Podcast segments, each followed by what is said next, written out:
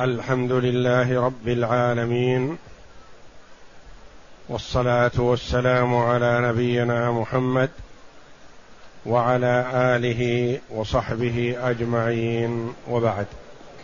بسم الله. بسم الله الرحمن الرحيم. قال المؤلف رحمه الله تعالى فصل القسم الخامس. نعم. المتنفل يصح أن يؤم متنفلا؟ وهل يصح أن يؤم مفترضا؟ فيه رواية القسم, القسم الخامس. القسم الخامس. نحن في باب صفة الأئمة يعني أئمة الصلاة. والكلام فيه كما قال المؤلف رحمه الله في ثلاثة أمور. من يصلح للإمامة ومن لا يصلح وهذا خمسة أقسام. الثاني الأولى بالإمامة وهذا سيأتي. الثالث من تكره إمامته. وهذا سيأتي. اذا من يصلح للإمامة خمسة أقسام.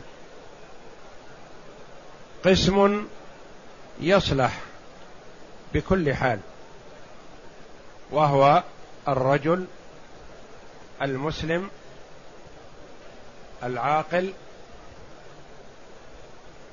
المدرك القائم بأركان الشرع بالصلاة وشروطها. والثاني من لا تصلح إمامته وهو الكافر والمجنون والفاسق على تفصيل قد مضى. الثالث من يصلح إماما لمثله ولا يصلح لمن هو أعلى منه. كالأمي ومن حدثه دائم هؤلاء يصلح أن يكون إماما لمثله. الرابع من لا يصلح أن يكون إماما إلا لمن هو دونه. أما من كان مثله فلا. الخامس وهو موضوعنا الآن. المتنفل يصح أن يكون إماما لمتنفل مثله. وهل يصح أن يؤم مفترضا؟ يقول فيه روايتان. إحداهما. نعم. إحداهما لا يصح لأن صلاة المأموم لا تتأدى بنية الإمام فأشبه الجمعة خلف من يصلي الظهر. والثاني يصح. إحداهما الروايتان لا يصح. لما؟ قال لأن صلاة المأموم لا تتأدى بنية الإمام لأن المأموم مفترض ونيته نية فرض والإمام متنفل فنيته نية نفل. فيقول ما دام أن نية المأموم صلاة المأموم لا تتأدى بنية الإمام لأن الإمام متنفل. فلو أداها المأموم متنفلا ما صحت فريضة. فاختلفا في النية فقال لا يصح. الرواية الثانية وهي الصحيحة أنه يصح لوجود الدليل. حيث أن معاذ بن جبل رضي الله عنه كان يصلي مع النبي صلى الله عليه وسلم صلاة العشاء ثم يذهب إلى قومه فيصلي بهم صلاة العشاء. وهو متنفل لأنه أدى الفرض مع النبي صلى الله عليه وسلم وهم مؤدون للفرض. فصحت صلاتهم خلفه وهو متنفل. نعم. والثاني يصح وهو أولى لأن جابرا رضي الله عنه روى أن معاذ رضي الله عنه كان يصلي مع النبي صلى الله عليه وسلم ثم يرجع إلى قومه فيصلي بهم تلك الصلاة متفق عليه. نعم. وصلى النبي صلى الله عليه وسلم في الخوف بطائفة الركعتين ثم سلم ثم صلى بالأخرى ركعتين ثم سلم. رواه أبو داود. وهو في الثانية متنفل يؤم مفترضين ولأنهما صلاتا اتفقا في الأفعال فأشبه المتنفل يؤم يأتم بمفترض. لأن النبي صلى الله عليه وسلم في إحدى صور صلاة الخوف كما سيأتينا بأن صلاة الخوف صحت عن النبي صلى الله عليه وسلم من عدة صور. من ضمنها أنه عليه الصلاة والسلام صلى بجماعة ركعتين وسلم بهم. وطائفة تحرس أمام العدو. فذهبت التي صلى صلوا مع النبي صلى الله عليه وسلم ليحرسوا. وجاءت تلك الطائفة التي لم تصلي فصلى بهم النبي صلى الله عليه وسلم تلك الصلاة. والنبي صلى الله عليه وسلم أدى فرضه في الطائفة الأولى. ومع الطائفة الثانية يكون مفترض. متنفل. الإمام متنفل وهم يؤدون الفرض. فهذا دليل على جواز صحة صلاة المفترض خلف المتنفل. نعم. وإن صلى الظهر خلف من يصلي العصر أو صلى العشاء خلف من يصلي التراويح ففيه روايتان. ووجههما ما تق... وجههما وجههما ما تقدم. ما تقدم. فإن صلى العصر مثلا خلف من يصلي صلاة رباعية مثلها لكنها تختلف. صلى العصر خلف من يصلي الظهر. أو صلى الظهر خلف من يصلي العصر مثلا. ففيها وجهان. عدم الصحة قالوا لاختلاف نية الإمام مع نية المأموم. وهذا مرجوح.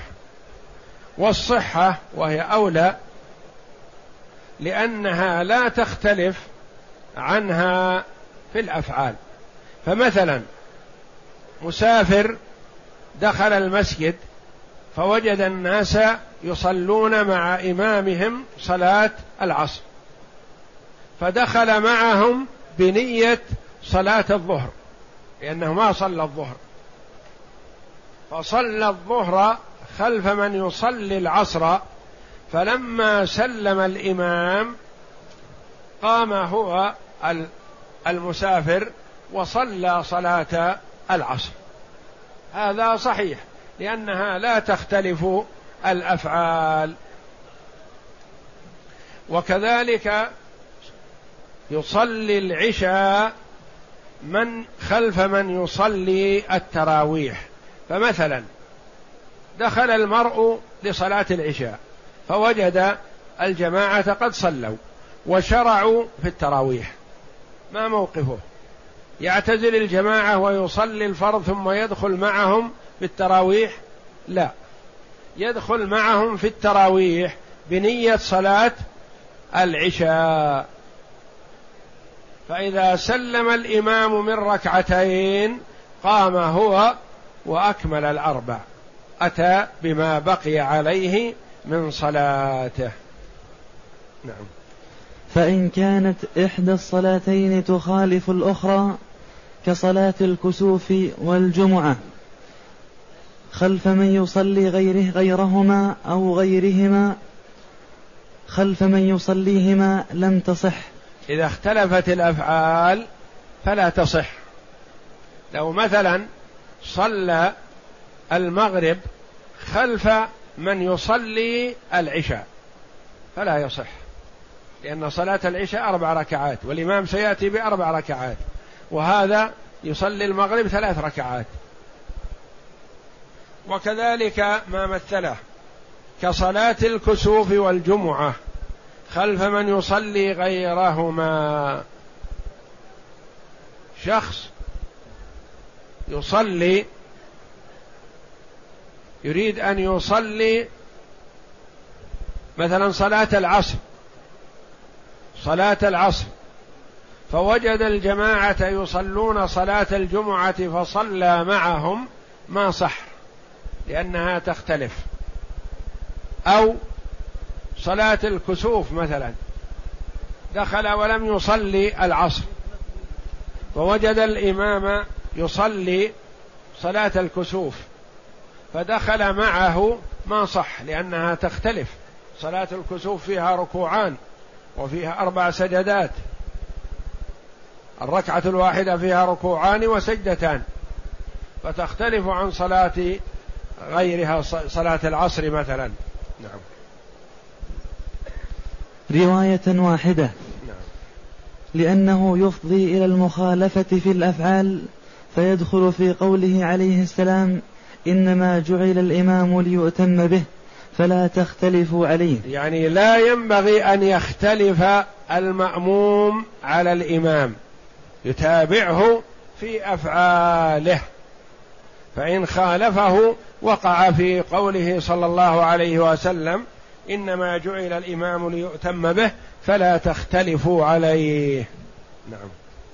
وإن صلى من يؤدي صلاة خلف من يقضيها أو يقضيها خلف من أو من, أو من يقضيها. أو من يقضيها خلف من يؤديها. صحت رواية واحدة. أو وإن صلى من يؤدي صلاة خلف من يقضيها. مثلا شخص أو أشخاص ذكروا أنهم لم يصلوا الظهر أمس. في وقت الظهر اليوم. فقاموا يصلون صلاة الظهر أمس. فدخل الداخل وظن أنهم يصلون صلاة الظهر اليوم. وصلى معهم. فلما انصرف الإمام قال نحن نقضي صلاة قد فاتتنا صلاة أمس. فما حكم صلاة المأموم التي اقتدى بها في الإمام الذي يصلي صلاة أمس؟ صلاته صحيحة لأنها لا تختلف. كلاهما يصلي الظهر لكن الإمام يصلي صلاة الظهر أمس والمأموم يصلي صلاة الظهر اليوم. حتى وإن كان العكس فكذلك. مثلا دخل الداخل المسجد فوجدهم يصلون صلاة الظهر فذكر أنه لم يصلي أمس صلاة الظهر. فصلى صلاة الظهر أمس يقضيها اليوم خلف من يؤدي صلاة الظهر اليوم أداء. فيصح هذا لعدم الاختلاف في الأفعال. نعم. ذكره الخلال لأن الصلاة واحدة وإنما اختلف الوقت. وخرج بعض أصحاب وخرج. بعض أصحابنا فيها روايتين كالتي قبلها. قال رواية على أنها لا تصح. قالوا لأن لأن نية الإمام تختلف عن نية المأموم. وهذا قول تخريج يعني احتمال ولم يصدر عن الإمام رحمه الله. فتحصل من هذا أن المفترض يصح أن يؤدي فريضة خلف من يؤدي نافلة سواء كانت نفس الصلاة كصلاة العشاء أو يصلي نافلة كصلاة التراويح والمأموم مؤد للفرض. فيصح هذا لفعل النبي صلى الله عليه وسلم في من صلى بهم صلاة ولفعل معاذ رضي الله عنه في كونه يصلي بجماعته وهو متنفل وهي لهم فريضة. فهذه الأحاديث دلت على صحة صلاة المتنفل خلف المفترض. ومن باب أولى تصح صلاة المتنفل خلف المفترض لأنه ورد أدلة أخرى. فمثلا أنت صليت الجماعة في مسجد ما ثم جئت إلى مسجد آخر تريد غرضا ما. فوجدتهم لم يصلوا الظهر وأنت قد صليتها. فتصلي معهم الظهر ما دام أقيمت الصلاة وأنت في المسجد فتصلي معهم. هي لهم فريضة وهي لك نافلة. فيصح أن يأتم المفترض بالمتنفل وأن يأتم المتنفل بالمفترض. والله أعلم. وصلى الله وسلم وبارك على عبده ورسول نبينا محمد وعلى آله وصحبه أجمعين.